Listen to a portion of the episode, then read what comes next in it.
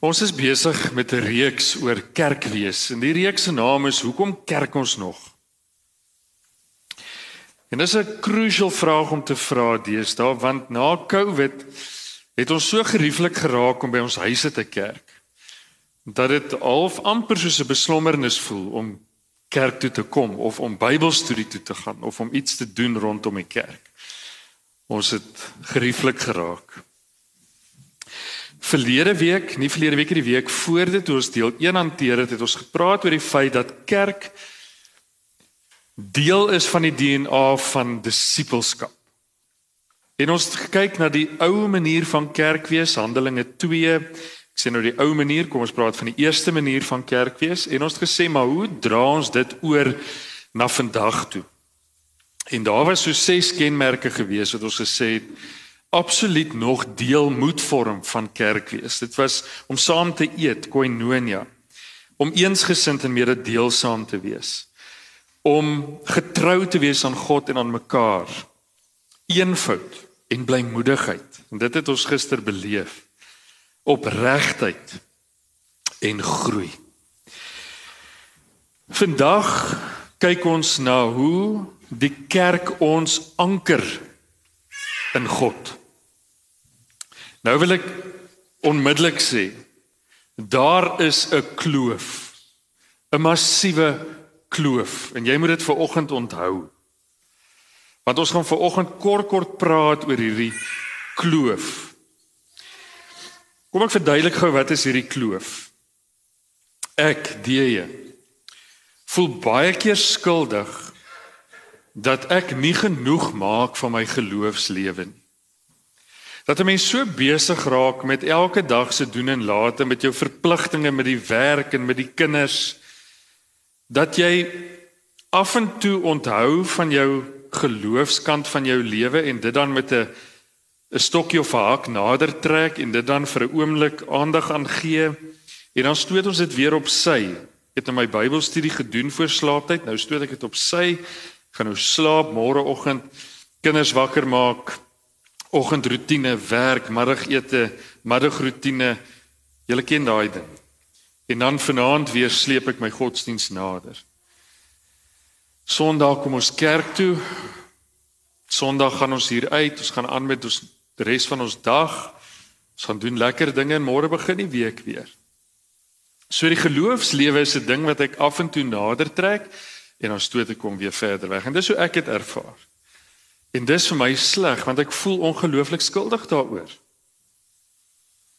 Dis vir my sleg dat ek nie deur die loop van 'n normale dag, 'n tipiese prototipe dag net my geloofslewe en my in aanhalingstekens normale lewe lekker kan merge en dit as een lewe kan leef nie. Ek sukkel daarmee. Ek dink baie mense so sendelinge doen dit baie keer beter. Dis maar my opinie. Want dit lyk so vir my as ek na sendeling kyk of hulle in alles wat hulle doen, hulle geloofslewe leef terwyl hulle hulle normale lewe leef. Ek weet nie. Dit is net maar 'n 'n simpel persepsie eintlik, want dit is nie noodwendig so nie. So dis die kloof, die kloof tussen dit wat ons noem die normale lewe die ritme van die normale dag en die geloofslewe.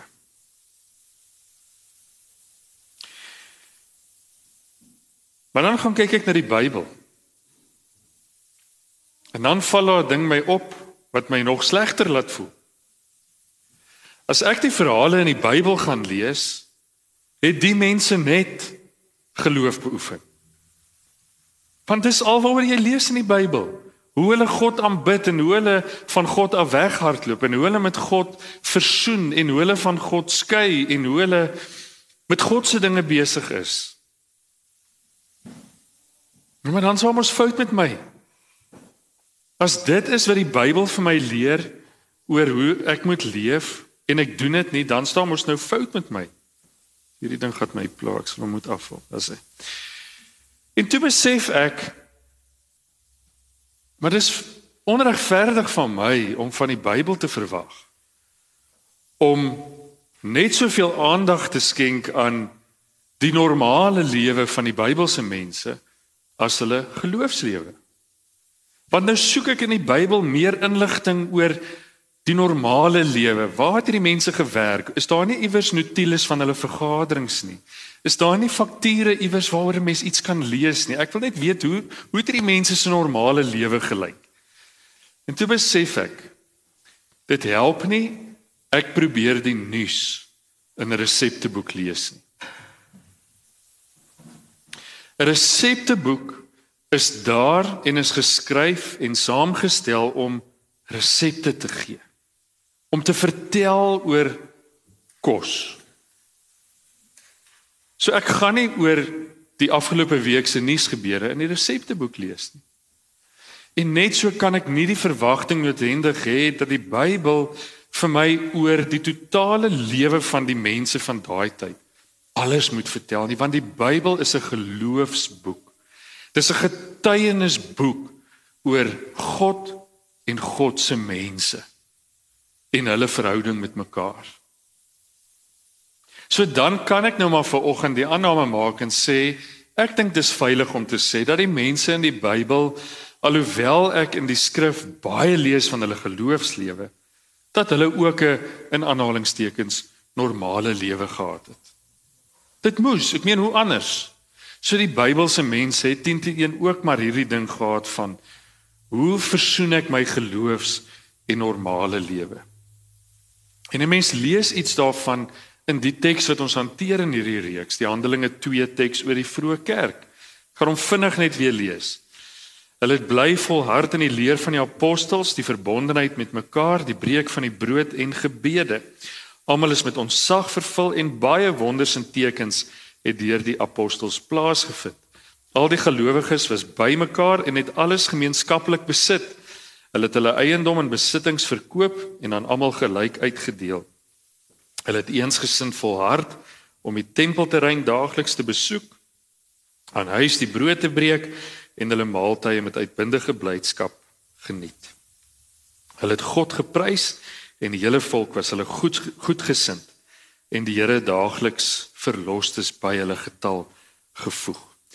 Hierdie mense het spesifieke dinge gaan doen om hulle geloofslewe te leef. Hulle het spesifiek gegaan om gemeenskaplike maaltye te vier. Hulle het spesifieke dinge in plek gesit in terme van hulle besittings om hulle geloofslewe as 'n gemeenskap saam te leef. Hulle daagliks die tempelterrein besoek. Dis geloofslewe dinge wat hulle gaan doen het.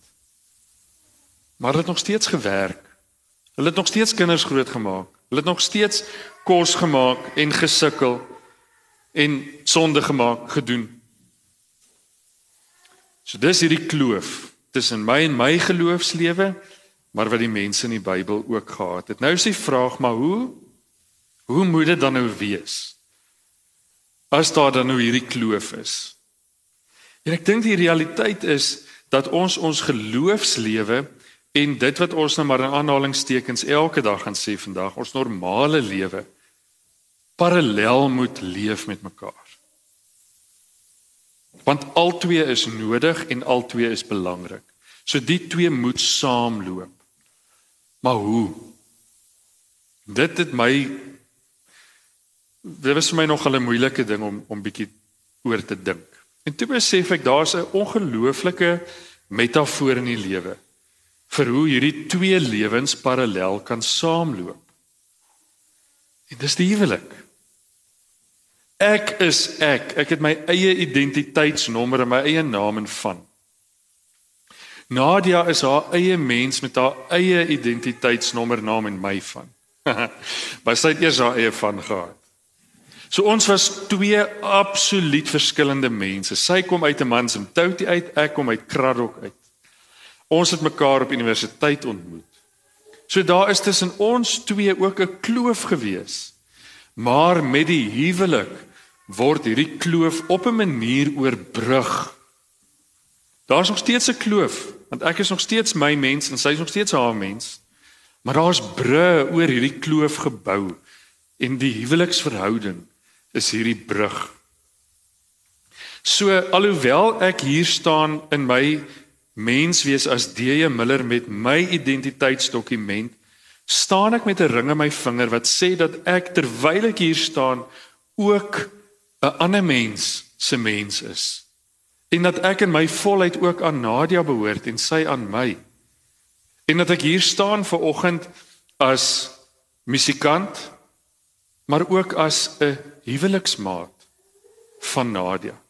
Dis deel van my identiteit. En so kan ek en Nadia sê ons leef ons lewens apart te saam of te saam apart. En dis hoe hierdie geloofslewe en aanhalingstekens normale lewe ook kan saam beweeg. Dit is nie apart van mekaar nie, maar dit kan ook nie net die een die ander vervang nie. Dis soos 'n man en 'n vrou in 'n huwelik wat saam die pad loop, parallel aan mekaar. Die volgende vraag is nou hoe vind hierdie parallelle saamloop tussen my normale lewe en die geloofslewe fisies plaas? Hoe werk dit? En dan begin ons nou die konsep van kerkwees hier bybring. En daar's twee maniere hoe hierdie verhouding, hierdie normale lewe en die geloofslewe ag die die lelike moeilike woord is gestalte vind. Hoe dit vorm kry. Een van twee maniere. Die eerste ene is op 'n geïmpliseerde manier. Nou hier's nou kinders vandag, so ek wil net gou-gou verduidelik wat geïmpliseerd beteken. Ek weet nie, kry vir jou 'n woordeboek. So, nie eksport. As ek nou vir julle sou vra Olivia, ehm um, Vanoggend toe ek opgestaan het, het ek koud of warm gekry. OK, ek het ook koud gekry. Hoe weet jy dit? Want ek het 'n lang broek en 'n lang hemp aan. So ek het nie vir jou gesê ek het ook ek het net vir gesê. Maar julle kon aflei ek het vanoggend koud gekry, nie omdat ek dit vir julle gesê het nie, maar omdat ek 'n lang mou hemp aan het. Net so kan ek aflei wie van julle warm kry want julle kortmou as tollie was, sou hy kaalvoet gewees het. So ek kan afleidings maak omdat seker goed geïmpliseer word. So ek sê dit nie, maar is duidelik sigbaar. OK. So die een manier hoe ons kan kerk wees is op 'n geïmpliseerde manier en die ander een is op 'n eksplisiete manier. Eksplisiet is as ek vir jou sê ek kry koud Olivia, dan weet jy ek kry koud want ek het dit direk vir jou gesê. OK. So geïmpliseerde ene, die een wat ons moet aflei, is wanneer ons byvoorbeeld soos gister as kerkmense deel van dieselfde gemeente of geloofsgemeenskap bymekaar is. So ons het nie gesê ons gaan nou kerk hou op allei blur die 6de November van 10uur af nie. Ons het 'n ander ding gereël, maar tog die rede hoekom ons daar was, was omdat ons Simonium familiekerk is. So dit was geïmpliseer. Of wanneer ons byvoorbeeld ehm um, in 'n gewone vriendekring in 'n sitkamer kuier of om 'n braaivleisvuur staan en kuier. Daar's tog sekere waardes, do's and don'ts wat ons uit ons Christelike geloof geleer het en deel maak van ons lewe. Wat bepaal hoe ons onsself gaan gedra in daai sitkamer. Is dit nie? Met ander woorde, die feit dat ek 'n Christen is en almal in die sitkamer Christene is, maak dat ons op 'n sekere manier kuier, op 'n sekere manier oor goed gesels, oor sekere goed nie gesels nie, nie sê nie. So dis ook geïmpliseerde kerk wees. Want ons Christelike beginsels is daardie die, nie die dryfkrag nie, maar dit is die die normgewer. Dit bepaal hoe ons ons gedra. So dis geïmpliseerde kerk wees. Dan kry ons eksplisiete kerk wees en dit wat ons nou ver oggend in die kerk gebou doen is eksplisiete kerk wees. Ons weet, ons het 9 uur op 'n Sondagoggend 'n kerkerediens. Die enigste rede hoekom jy gekom het ver oggend is om kerk toe te kom. So dis eksplisiet. Of wanneer ons tema van ons saam wees baie duidelik Christelik is. Bybel en braai is 'n Bybelstudie vir mans nie 'n Bybelstudie nie. Dis 'n saam 'n omgee groep. Ek dink is meer 'n omgee groep vir mans. OK? So die rede hoekom ons daar is is omdat dit 'n omgee groep vir mans is wat aan Christus behoort. Dis eksplisiet kerk wees. So hou dit net in gedagte. Ons kan geïmpliseerd saam wees of eksplisiet saam wees. Kom ons kyk gou-gou na die eksplisiete saamwees, want dit is waaroor ons praat in hierdie reeks. Eksplisiete kerkwees. Met ander woorde om 'n Sondag hier bymekaar te kom of om 'n Bybelstudie groep te gaan bywoon of 'n omgee groep te gaan bywoon. Hoe help hierdie eksplisiete kerkwees ons in ons verhouding met God? Met ander woorde, hoekom is dit nodig? Want as dit ons help, moet dit belangrik wees. So hoekom is dit belangrik? En daar's so 'n paar goed en ek gaan dit op die bord vir jou gooi met 'n akroniem Christ. Ek het die T gaan byvoeg gisteraand want dit was eers Chris en ek is so bang jy voel ek pik op jou. So toe sit ek maar die T by. Toe spel dit Christ. En dit is 'n paar goed wat eksplisiete kerk wees ons mee help. En jy gaan nou sien vir een van hierdie redes is jy ver oggend in hierdie diens. Die eerste rede hoekom ons deelneem aan aan kerkwees, hoekom dit belangrik is, hoekom ek na 'n erediens toe kom, is omdat dit confirm. Dis 'n ongelukkig Engelse woorde. Dit bevestig die see van Christus, dit confirm, dit bevestig. Dit bevestig dat ek deel is van 'n familie. So as jy ver oggend hier kom stop het, het jy eintlik vir ons almal kom sê ek is deel van jou. Daarom is dit vir my belangrik om by jou te wees en saam met jou te wees. So dit bevestig ons betrokkenheid, ons gebondenheid, ons deel wees van hierdie geestelike familie. Want ek kom sê dit deur my hier wees vir jou. Die tweede ene, die H is heal, healing om heel te word, om gesond te word, om getroos te word. Nou in 'n gemeente waar ons was in Pretoria as jeugwerkers was daar 'n oom gewees, oom Piet Barnard. Hy was die moeilikste oom in die gemeente. Iewers het ek en Nadia iets reg gedoen het hulle van ons gehou het. Maar kyk oom Piet het vir almal gas gegee. As die dominee jou Leon tyd daar van daai kansel afklim, dan staan oom Piet hom in inwag hier onder. Dominee, ons moet praat. Oek, dan's oom Piet vreeslik ontstel. Die klanke staart, klanke is te sag. Die dominee het sy hand nie die dominee het nie sy vingers toegemaak toe hy die seën uitspreek nie. Ja. Die dominee het met 'n jean gepreek. Ehm um, die orgel is te stadig. Nee, kyk oom Piet was moeilik. Maar ek het 'n ding by oom Piet geleer. Eendag het oom Piet gaan kla. En toe sê Dominee, die Dominee teenoor wie hy gaan kla, hy verstaan nie hoekom kla oom Piet altyd nie, want hy's doof. Hy kan in elk geval nie hoor nie.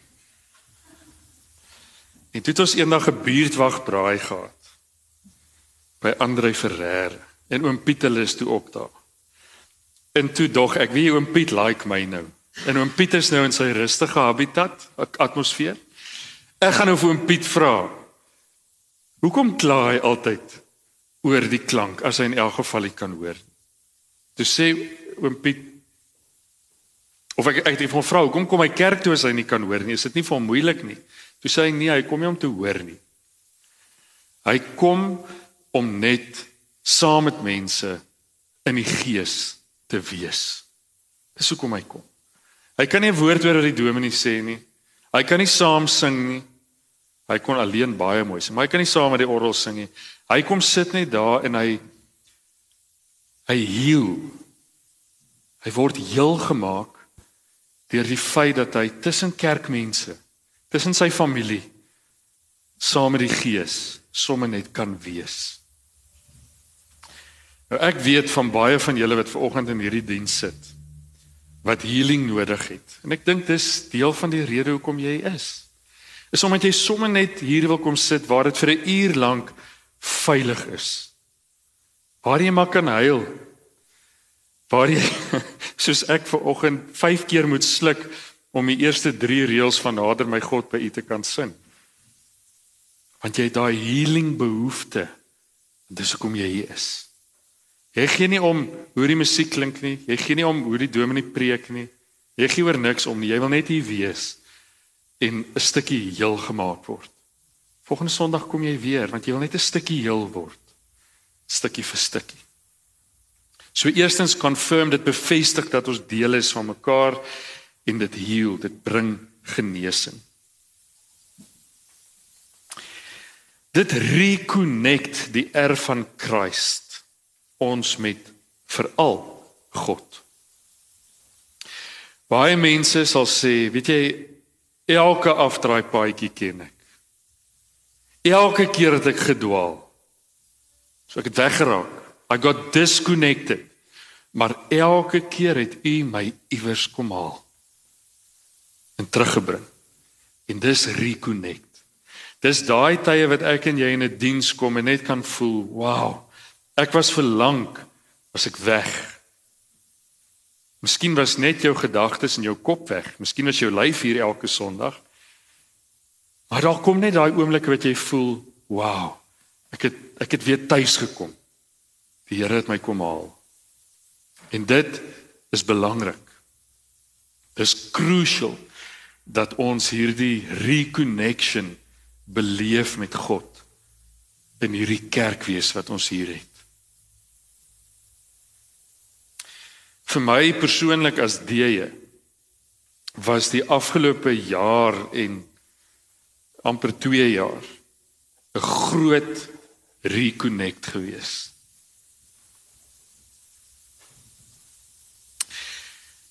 Die U van Christ is ignite. Baie mense kom na 'n erediens toe met 'n doodsheid in hulle wat hulle nie vir jou kan beskryf nie. Dalk deur groot verlies, deur depressie, deur seer gekry het deur die kerk, kwaad wees vir die kerk, maak nie saak nie. En baie keer wanneer ons in 'n kerk, eksplisiete kerk wees inkom, dan ignite dit ons weer. Dit skep 'n koneksie Dis dalk die beginpunt vir die eerste keer van 'n koneksie. Ons weet van baie baie mense in um, in Mosambiek, eh, ek weet van hulle wat ons gaan sendingwerk doen daar in die noorde van Mosambiek. Dan hou ons nou sien nou maar 'n kerkdiensie op Benny, sy dorpie se naam. Dan is ons nou 19 of 20 mense in die diens. Dan sal daar van die ongelowiges, daar ons het vir al die nou dansers was absolute ateëste wat die Christene teëgesit het. Dan sal daai nou dansers daar kom staan met hulle dromme en ons probeer om ver gooi in ons erediens. Maar op 'n manier hoor hulle die boodskap of hulle hoor hoe die mense saam sing this the light of mine I'm going to let it shine. En dan begin daai ou op hom op sy dromme te speel. En volgende Sondag as jy daar preek, dan sit hy sonder sy drom agter in die kerkie. Hy's geignite. Die is van Christ. It strengthens. Dit maak jou sterk. Dit kom gee jou krag vir die week. Ek weet baie mense kom kerk om te kom pitkos kry. Dis reg. Kom kry jou pitkos kom word versterk, kom word opgeroep, kom word ge-encourage, kom word gestrengthen vir die week wat voorlê. Ons het nou Bybel en braai donderdag aande, kyk hier na Dinsdag toe.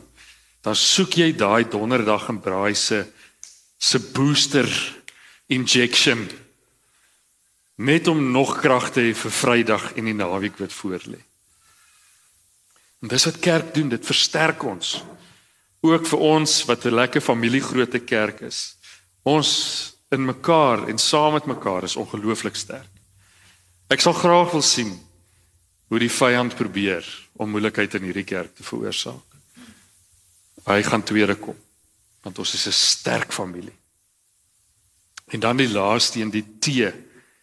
It trains us. Dit lei ons op en dit rus ons toe. Ons leer wanneer ons kerk saam met mekaar is. Maak nie saak of dit 'n erediens of 'n Bybelstudie of 'n omgee groep is nie en of ons 'n kursus gaan bywoon of 'n whatever. Ons word geleer deur God om God se kinders te wees. Net vir onsself? Nee. vir die wêreld daar buite.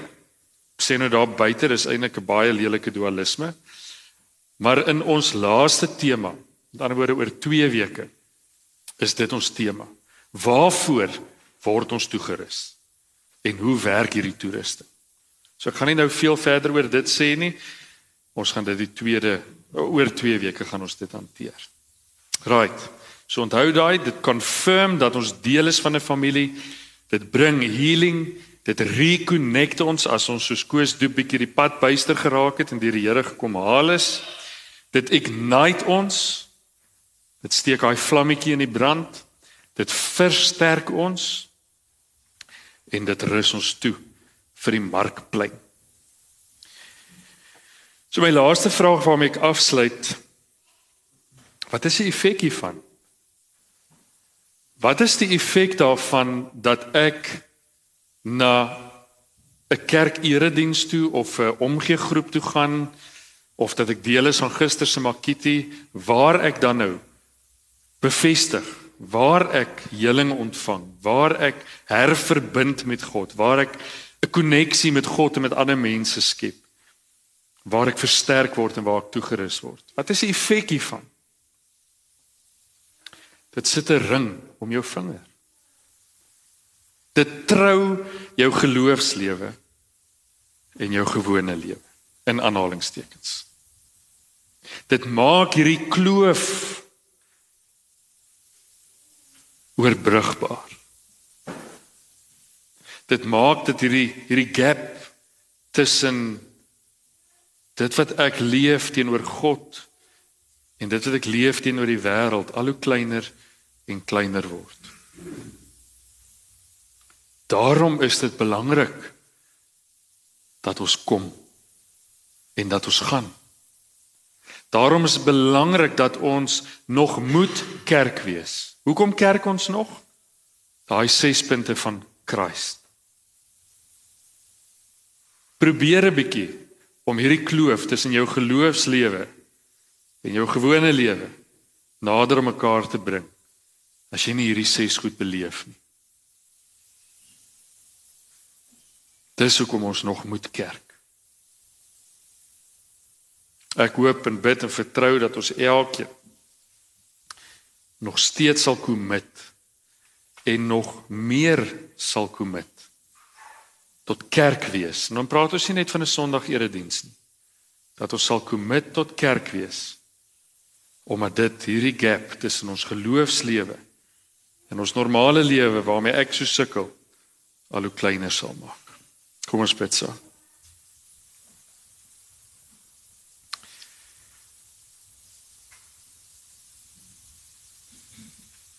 Here ons moet ver oggend kom bely dat die kerk aan U behoort. Hierdie is nie ons sin nie. Ons is deel daarvan omdat U ons genooi het om deel te wees. Here nog steeds is dit vir my 'n issue dat daar tussen my normale gang van die lewe en my geloofslewe 'n gap is en ek het hierdie ongelooflike behoefte om hierdie gap klein te maak. En u kom herinner my vanoggend dat dit kan gebeur en dat u die kerk as 'n gereedskap stuk gereedskap in my hand kom gee. My sê gebruik hierdie kerk. Kom reconnect, kom ignite, kom word heel, kom word toegerus, kom word versterk. Want dit sal maak dat jy hierdie hierdie gap kan kleiner maak.